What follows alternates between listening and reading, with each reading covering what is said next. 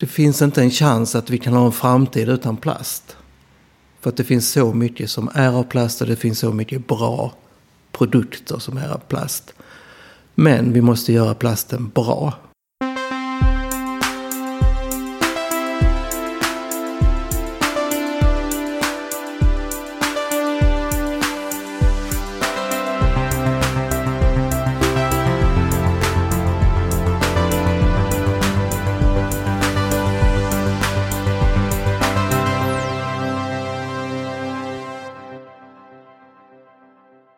Då är vi tillbaka med Heja Framtiden. Jag heter Christian von Essen. Sitter på min uh, Kitchen Studio på Roslagsgatan 23 i Stockholm. Tillsammans med uh, Johan Tell. Välkommen till podden. Tack.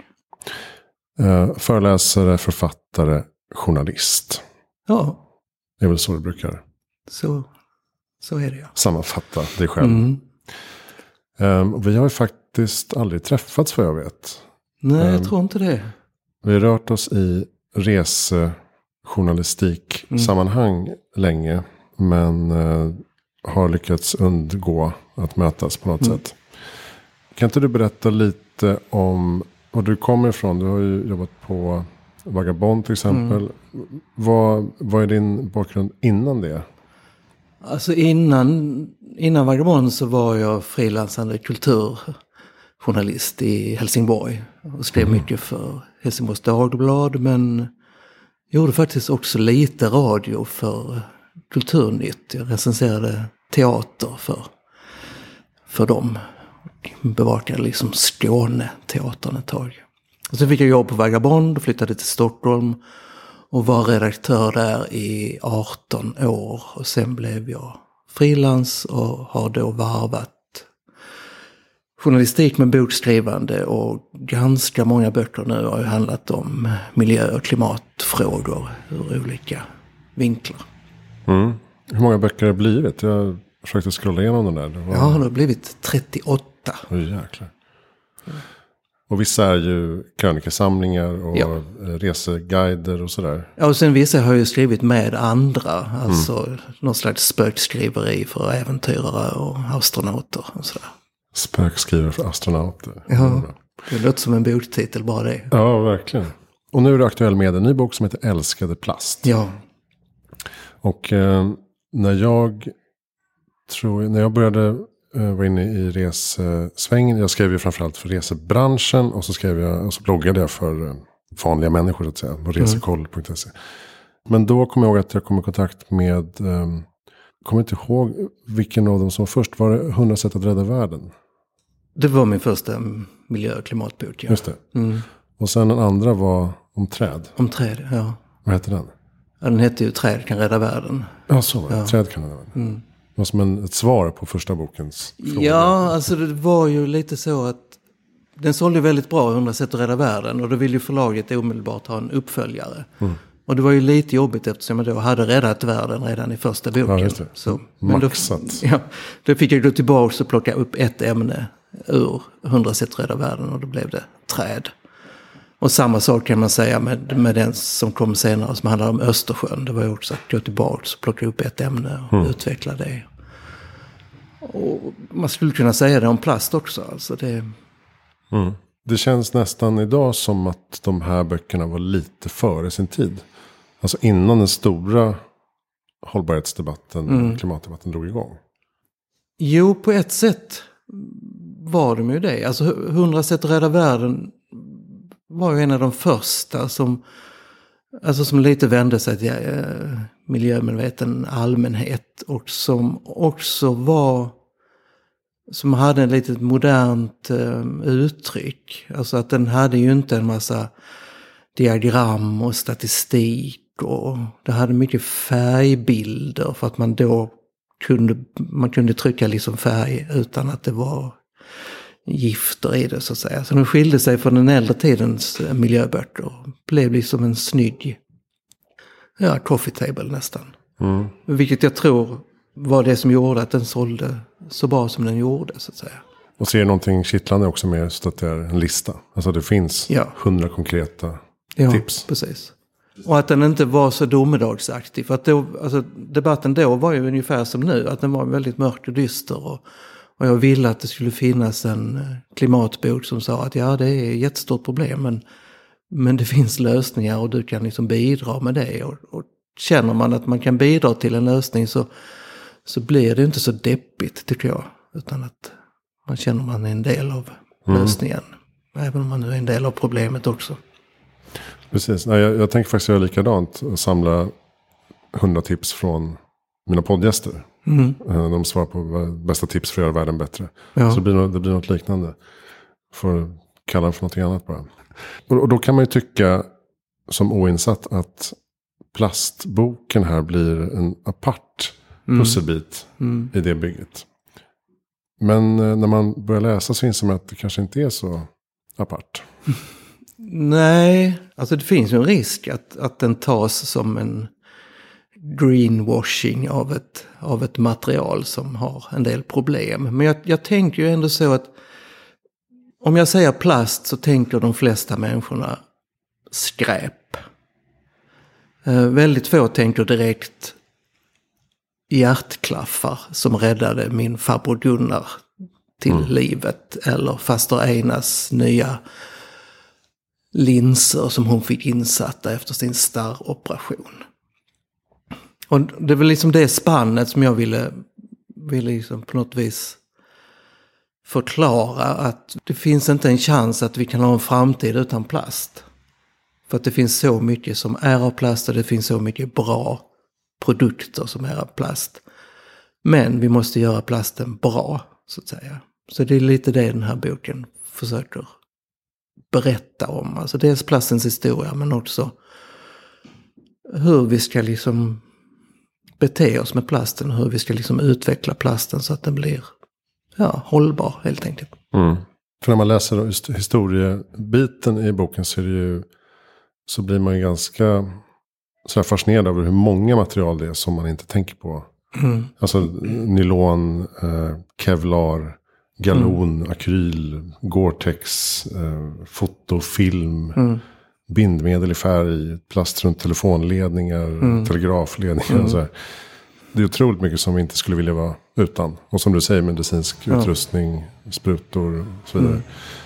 Vad har varit mest eh, ögonöppnande för dig i ditt researchande och skrivande? Det finns ju liksom en röd tråd genom boken som är att plast är ett, ett ersättningsmaterial. Nästan alltid så ersätter den någonting som redan finns. Och ibland är det väldigt bra. Man kan säga att den, den första plasten var en slags ostplast som man gjorde av eh, alltså mjölkproteinet kasein redan på 1500-talet. Och då var det för att ersätta elfenben. Eh, framförallt i inläggningar i, i möbler, alltså intarsia. Sådär. Så om man, om man ska hårddra det så skulle man kunna säga att plast räddade elefanten som ras. Faktiskt. För att det, det började bli för dyrt med elfenben och man letade efter ersättningar och då kom den här plasten. Och sen dröjde det liksom något hundra år så kom det en ny plast som ersatte sköldpaddsskal. Så att vi har fortfarande sköldpaddor kan man också tacka liksom plastindustrin för. Men i det ersättandet ligger också det här att, att, att vi på något vis tycker att plast är ett andrahandsmaterial. Alltså vi tycker det är finare med elfenben än, än plasten. Vi tycker det är finare med riktigt sköldpaddsskal än plasten. Och så vidare. Så att plasten har ju liksom aldrig fått någon riktig status som ord. Och det är därför när nya plaster lanseras att man försöker undvika ordet plast. För att folk inte ska få de här dåliga associationerna. Mm, du skriver det att det har blivit ett skällsord. Att eh, någon är, är plastig till exempel. Är ju Precis. ytlig och eh, ogrundad på något sätt. Ja. Jag gjorde någon slags liten spaning om det i, i boken. Och, och det är ju på, på slutet av 60-talet så kommer det en brytpunkt. Innan så har man liksom försökt. Eh, det fanns en finsk, finsk arkitekt som byggde ett, ett plasthus, ett modulhus som skulle vara framtidens boende. Eh, och den kommer liksom på slutet av 60-talet och man byggde den i moduler och skruvade ihop den i en fabrik och liksom flög ut med den med helikopter och satte ner den liksom i terrängen och så. Och då, då fanns det liksom den falangen som tyckte att ja, men plast är, det är framtiden, det är så vi ska bo, vi ska liksom bo i plasthus, vi ska, det ska finnas plastmöbler redan monterade. Och I London på tidigt 60-tal så ville man också klä sig i plast. Det var liksom plastkjolar och plaststövlar och så. Men sen samtidigt nästan så kommer, alltså jag, jag har markerat det med Frank Zappa som sjunger om Plastic People 1967 tror jag det är. Och där myntas liksom på något vis det här begreppet att plastmänniskor är de som inte har ett äkta liv, som bara åker till Florida och, och solar och som inte eh, förstår världens problem. Och då, då är det också, då börjar det svänga över till lite sådär hippie mode, att man hellre skulle klä sig i naturfiber och batikmönstrade tröjor från Sri Lanka och sådär. Så plasten därifrån, alltså från 70-talet, blir ett andra rangens material kan man säga. Jag har kanske skrivit mest om plast i, i livsmedelssammanhang. Och även där är det ju en sån eh, ja, men kontroversiell fråga ändå. Att, eh, varför ska grönsakerna vara inplastade? Ja. Eh, jo, för att annars så måste vi slänga dem. Ja. Men det är svårt uh, att kommunicera detta. Det är väldigt svårt, ja. Det, det, är så väldigt många, vad ska man säga, pedagogiska barriärer att ta sig över. Att liksom, just det du säger, att ja, om, om gurkorna inte är inplastade så, så ruttnar de lättare och, och en drabbad gurka smittar de andra. Så mm. att den energin som så att säga finns i plasten är mycket, mycket mindre än den energin man vinner genom att ta färsk frukt. Men det är också en, en bransch där man behöver få bort eh, gifter, man behöver mm. hitta bättre återvinningsstrukturer, mm. incitament och eh, anläggningar för att hantera mm. olika typer av plast. Eh, samtidigt som det kommer tillverkare som använder mer bioplast eh, mm. på andra råvaror än fossila. Mm. Um, hur ser den utvecklingen ut skulle du säga? Är det, går det fort eller är det bara liksom ett fåtal aktörer som jobbar på det här? Alltså vad det gäller material inom livsmedel så tycker jag att, att, det, går, att det är ganska bra vad det gäller kvaliteten på plasten. Alltså där är jag aldrig liksom orolig att, att plasten som maten kommer i skulle vara så värst farlig. Sen kan jag ju tycka att det finns fortfarande ett onödigt användande av plast. Det är ungefär som med allt annat. att Vi ska liksom byta ut till bra plast. Men när vi gör det så ska vi också samtidigt minska på konsumtionen. Alltså, för det räcker inte med att konsumera i lika hög grad. Även om vi liksom gör det med bra grejer. Sen är det ju, återvinning är ju en det är en stor och komplicerad apparat där vissa saker fungerar jättebra och där vissa saker inte fungerar alls. Om man tar det här med petflaskor så tror jag det är Alltså det är sådär 84 procent som återvinns. Och det är ju extremt mycket. Det är ju, jag vet inte om det är någon slags världsrekord men där finns ett system som är bra. Vi har lärt oss att, liksom, hur vi ska göra. Det finns återvinningsstationer. Vi sorterar det. Och också på producentsidan så är det ju så att alla petflaskor ser likadana ut. De är liksom genomskinliga. De har etiketter som går lätt att ta bort. Så att säga. För det är också ett problem. Mm. Så, att mm. säga. så där funkar det ju. Men sen om man besöker en, en sån här återvinningsanläggning så blir man ju eller så blev jag, blev jag lite förvånad när jag kunde se ja, en långtradare med keseburkar. Alltså, som alla gick till cementfabriken på Gotland, för att ta ett aktuellt exempel, för att eldas upp där, så att säga, som bränsle. Mm. Och det är ju inte riktigt det man tänker som konsument, att, att det är också ett slags återvinning. Det är inte materialåtervinning utan det är energiåtervinning. Så man kan ju se det som är bra på ett vis. Istället för att Cementa eldar med olja direkt så eldar de med burkar. Som du har ju tjänat som förpackning i ett varv så att säga. Men det är inte riktigt det vi vill ha som i, i framtiden. Så att säga. När du har liksom grottat ner dig i den här industrin då. Vad, vad ser du för framtidstro? Och eh, finns det en längtan efter eh, hållbara lösningar även inifrån? Så att säga? Ja, det, det kan man nog, nog säga. Men, men just nu så känns det som att återvinningsindustrin står lite och stampar. Alltså den finns ju Ja. Och, och egentligen är det ju så att all plast kan återvinnas. Eh, det är ju bara det att det inte, det är inte kommersiellt. Så man har satt upp ett antal regler som jag tycker är i och för sig är bra. Men sen har man ju lämnat det till marknaden. Att liksom på något vis genomföra det här.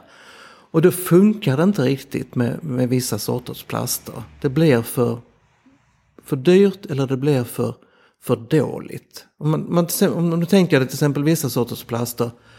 Ja, men du tar en röd ketchupflaska och så tar du en blå flaska från, som är, innehåller WC-rent och så tar du en gul eh, leksak. Och alla är i samma plast och det går att återvinna. Men om du blandar dem så blir det som när dina barn har lekt med modellera. Det blir liksom en väldigt, väldigt tråkig färg som ingen vill ha. Så då är ju problemet någonstans att då måste man liksom få alla tillverkare av ketchupflaskor att säga, nej men gör dem transparenta istället. Och där är det liksom svårt att ändra konsumtionsmönstret. Mm.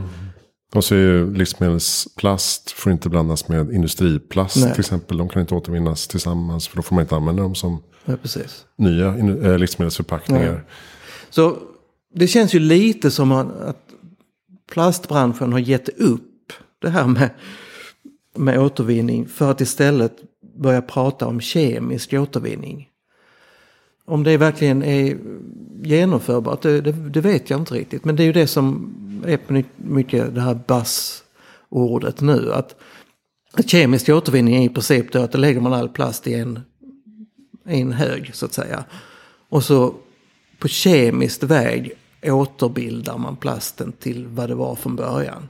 Och kan då samtidigt separera ut alltså eh, olika eh, färger, olika eh, mju- mjukgörare och så vidare. Så har man liksom tillbaka till, till noll och så kan man börja göra plast igen. Dyrare och krångligare. Dyrare och krångligare men, men skulle det funka så är, så är det ju väldigt, väldigt bra för då blir det ju en, ett nästan slutet system av plast som blir plast igen så att säga. Mm. Vad jag fiskade efter lite var också eh, just plasttillverkarna. Det börjar väl komma mer bioplast. Och så Mm. man, man måste väl bort från det fossila. Ja, ja men så är det ju. Alltså problemen med plast det är ju, man kan ju säga att de är tre. Alltså dels skräp, eh, dels att de innehåller gifter, dels att de görs av fossilt material. Alltså det är ju 99% av plasten som tillverkas görs av olja. Och det är ju alldeles för lite med 1% bioplast. Så det måste ju, där måste ju det ökas väsentligt så att säga. Tekniskt sett så är det inte problemet utan det är ju en kostnadsfråga. Det är ju, det är ju enklare att göra plast av olja än av till exempel skog. Mm. Men annars är det ju, är det ju så att allt, allt som du kan göra av olja kan du också göra av, av andra biologiska komponenter som växtfibrer eller Sockerrör. trä eller sockerrör. Så. Mm. så det gäller liksom bara att få till den, att den processen ökar så att säga. Jag tänkte om vi, om vi lämnar plasten för en stund. Så har du, du har jobbat större delen av ditt liv med resor, resejournalistik. Och har ett klimat och hållbarhetsintresse uppenbarligen. Hur ser du på giftermålet mellan dessa två ämnen?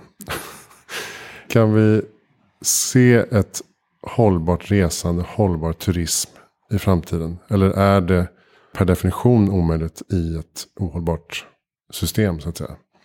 Varsågod. Ja, alltså det är ju, det är ju en, det är en väldigt sammetsfråga. Sådär. Alltså framförallt med det här med flyget. Om, om man kan flyga överhuvudtaget så att säga. Och jag tillhör ju de som fortfarande flyger någon gång då och då. Och om man bara räknar plus och minus på vad jag orsakar för problem med klimatet så är det ju eh, inte försvarbart. Men jag känner ju någonstans att ja, jag försöker göra liksom så mycket bra som möjligt. Men det finns liksom en nivå där mitt liv skulle bli för, för liksom, för blekt och för trist. Så därför reser jag fortfarande. Men jag försöker liksom göra så att jag reser sällan, jag reser inte så långt och jag stannar länge. Så. Och jag tillhör ju de som har åkt tåg till södra Spanien och jag har kört min miljöbil till södra Spanien också. Och det funkar ju. Alltså förra vintern så körde jag med etanolbilen då till Spanien och det går ju att ta sig ända ner. Vilket jag tycker man lite har glömt bort i, i debatten att man har pratat bara om tåg och flyg. Um, och tåg har ju, var ju inte någon speciellt bra idé under pandemin. Um, och det är ju faktiskt så att du kan, du kan köra etanolbil, du kan köra elbil, du kan köra på miljödiesel, HVO 100 så att säga. Och, och ta dig runt i hela Europa. Så. så det tycker jag är liksom ett utmärkt alternativ till flygandet. Och sen försöka konsumera mindre med allt annat här i livet och ändå kanske unna dig en flygresa då och då. Mm. Vad är känslan på nivåerna nu efter pandemin till exempel? Kom, kommer det komma tillbaks till 2019 års nivåer? Eller eh, det känns ju som att folk faktiskt inte kommer att resa lika mycket Mm. efter det här. Nej men så kan det nog vara. Alltså att pandemin har haft det goda med sig att, att man har hittat lite alternativ. Man har, in, man har liksom kommit på att ja, men det är, man måste inte ta en helgresa någonstans till en europeisk storstad så fort man har lite ledigt. Man kan också semestra i en weekend i, i skärgården eller vandra Sörmlandsleden eller bo på ett pensionat i, i Dalarna så att säga. Det kan vara liksom lika avkopplande och givande som de här, det här stressiga resandet som jag har lite svårt för. 48 timmar, Bangkok. Ja, ja. men det har ju också, alltså med resandet så är det ju också så att det största problemet med resande är ju, är ju egentligen inte våra semesterresor tycker jag, utan det är ju det dagliga pendlandet. För att det som jag tycker illa om med resedebatten och klimatet är ju att man liksom också skuldbelägger vissa typer av resande. Nu sa du redan Bangkok här, men det är ju nästan alltid exemplet. Alltså så här mycket släpper din resa till Thailand ut. Och då är ju Thailand redan ett sånt land som har liksom dålig klang. Alltså ungefär som plast. för, för Thailand är ju bara stränder, prostitution och diktatur och så. Det är ju aldrig någon som har exemplet så här mycket släpper din flygresa till Paris ut eller till New York. För det är liksom fina resmål där kultiverade människor och tittar på konst och bildar sig så att säga. Så det är ju en, skambeläggning av en viss typ av charterresor som är lite sådär. Ja, just det. Det blir nästan en klassfråga. Det, blev, det är ju verkligen det alltså. Och man har ju, man har ju överhuvudtaget inte pratat om affärsresor. Alla affärsresor anses ju vara jättebra. Så. Men det kommer ju vara lite svårt med affärsresor nu tycker jag när man har insett att allt har funkat jättebra när folk sitter hemma Mm. och jobbar. Ja, jag fick en förfrågan om föreläsning i Malmö. Jag bara, what? Ja, Ska jag, å- ska jag ta mig någonstans? ja. Det är ju jättekonstigt och spännande. Ja, jo, jo. Jag gick och lämnade blod för någon vecka sedan och kände att det var en trevlig liten utflykt. Ja, precis. Fika också. Vad, vad brukar du prata om när du är ute och föreläser? Jag försöker liksom måla upp vad är, vad är problemet? Vad, är- vad, vad är det som orsakar problemen här i världen med klimat och miljö? Och vad kan du och jag göra åt det så att säga? Mm. Vilka små eh, medel kan du förändra ditt liv med? För att det har jag liksom haft som grund, grundtanke att det är ju sällan du måste välja bort. Det är inte så att vi ska liksom flytta ut till någon grotta och bo där med någon ekologisk get. Utan, men däremot så kan du nästan alltid göra ett val. Och du kan liksom välja någonting som är bättre än det andra. Eh, och med den kunskapen så tror jag också folks ångest eller dåliga samvete minskar.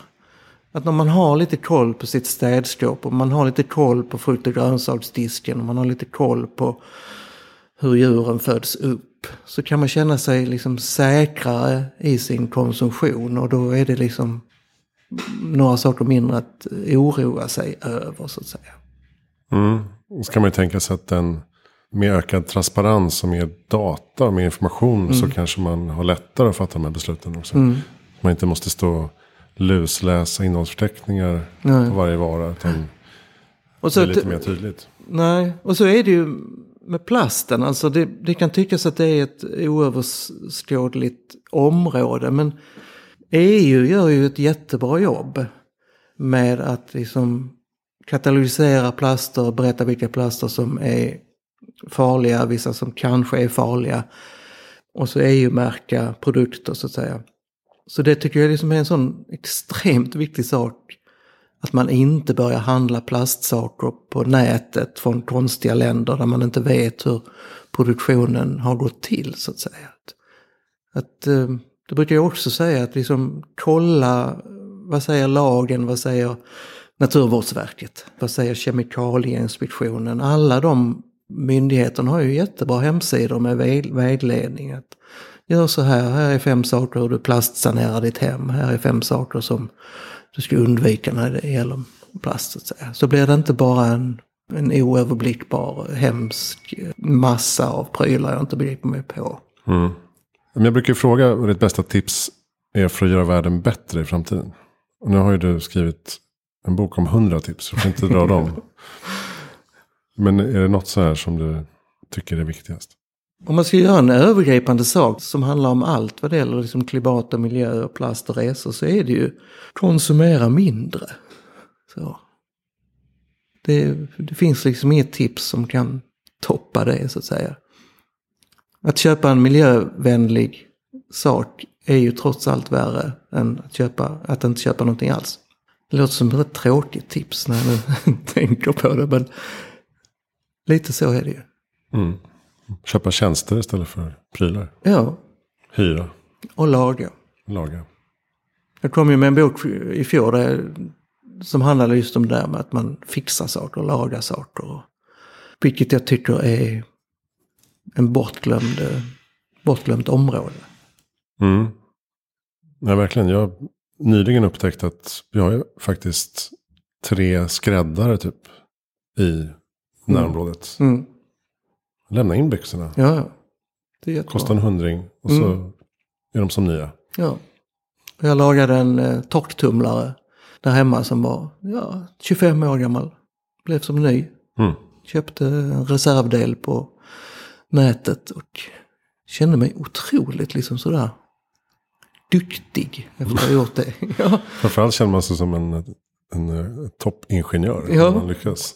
Det är inte bara det att man räddar miljön, man, man liksom boostar sitt eget ego när man gör sådana saker. Mm. Precis. Där kan man tänka sig att just det här gamification-grejen också. Att man, att man utmanar sig själv och eh, nästan i spel, nästan som spelifiering kan eh, testa hur man kan göra bättre saker. Mm. Eh, vad, vad heter den boken? Det heter Bättre begagnat. Okej. Flika in här att, att gamla plastsaker är inte alltid värda att spara, eller inte bra att spara. Det finns liksom ett spann där på framförallt 70 och 80-talet när de innehöll för mycket kemikalier. Så att eh, framförallt i barn så ska man inte återanvända liksom gamla skumgummimadrasser eller gamla mjuka badleksaker eller så.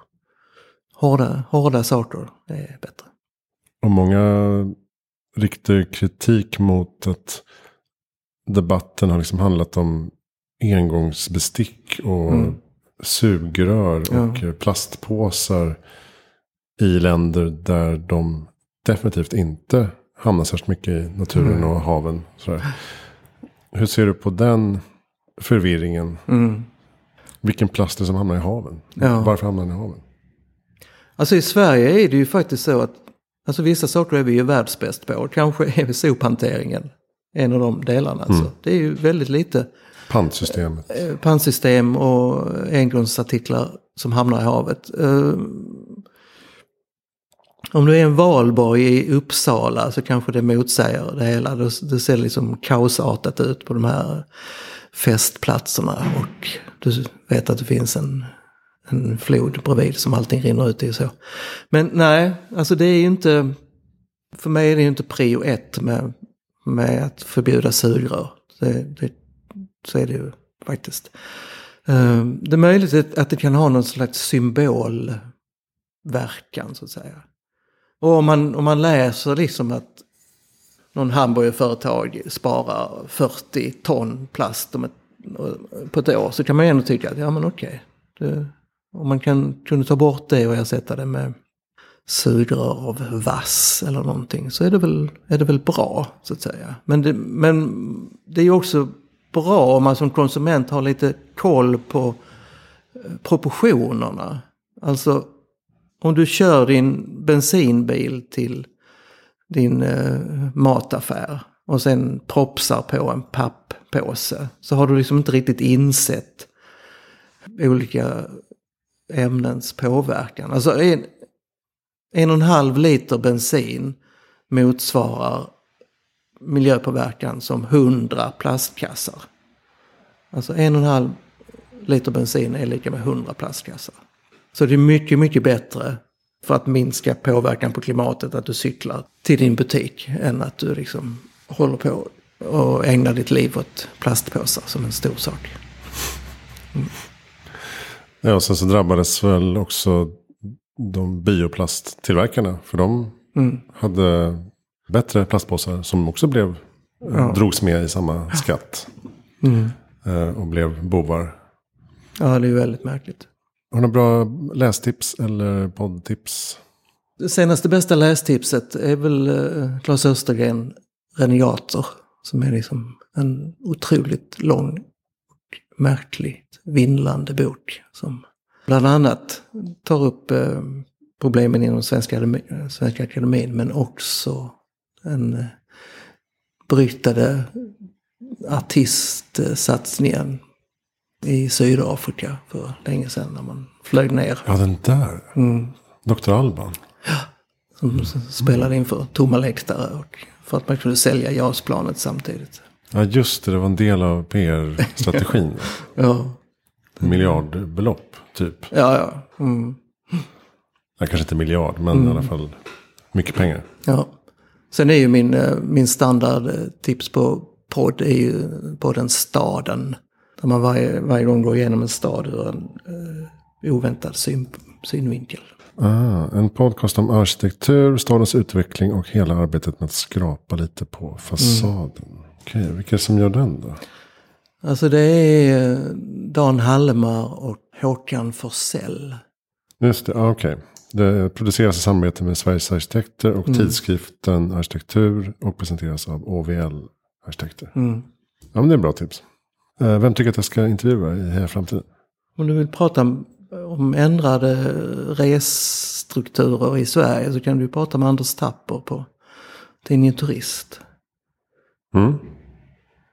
Borde jag ha koll på. Och se vart vindarna blåser. Ja, Ja, det är bra. Då ska vi avrunda. Tack snälla Johan Tell för att du kom till Heja Framtiden. tack för att jag fick komma. Och eh, Älskade Plast, eh, Dear Plastic, den är alltså tvåspråkig i en bok. Just det. Vilket är lite snärtigt. Mm. Release 10 september. Då finns det väl egentligen att beställa Ja. från var som helst. Mm. Ges ut på Frankofon förlag. Och eh, annars johantell.se kan man läsa mer om dina projekt och böcker och föreläsningar. ja. Och Och eh, vill du veta mer om mig och podden så är det hejaframtiden.se eh, som gäller. Där kan du bläddra runt bland andra intervjupersoner och eh, mina andra projekt som jag håller på med. Bland annat kommer ju en bok nu i höst som heter Nu fattar jag. Eh, boken som hjälper dig förstå vår digitala samtida framtid tillsammans med Henrik Smålack från Under 15-podden. Ehm, nästa vecka pratar vi om något annat. Tack snälla för att du lyssnar.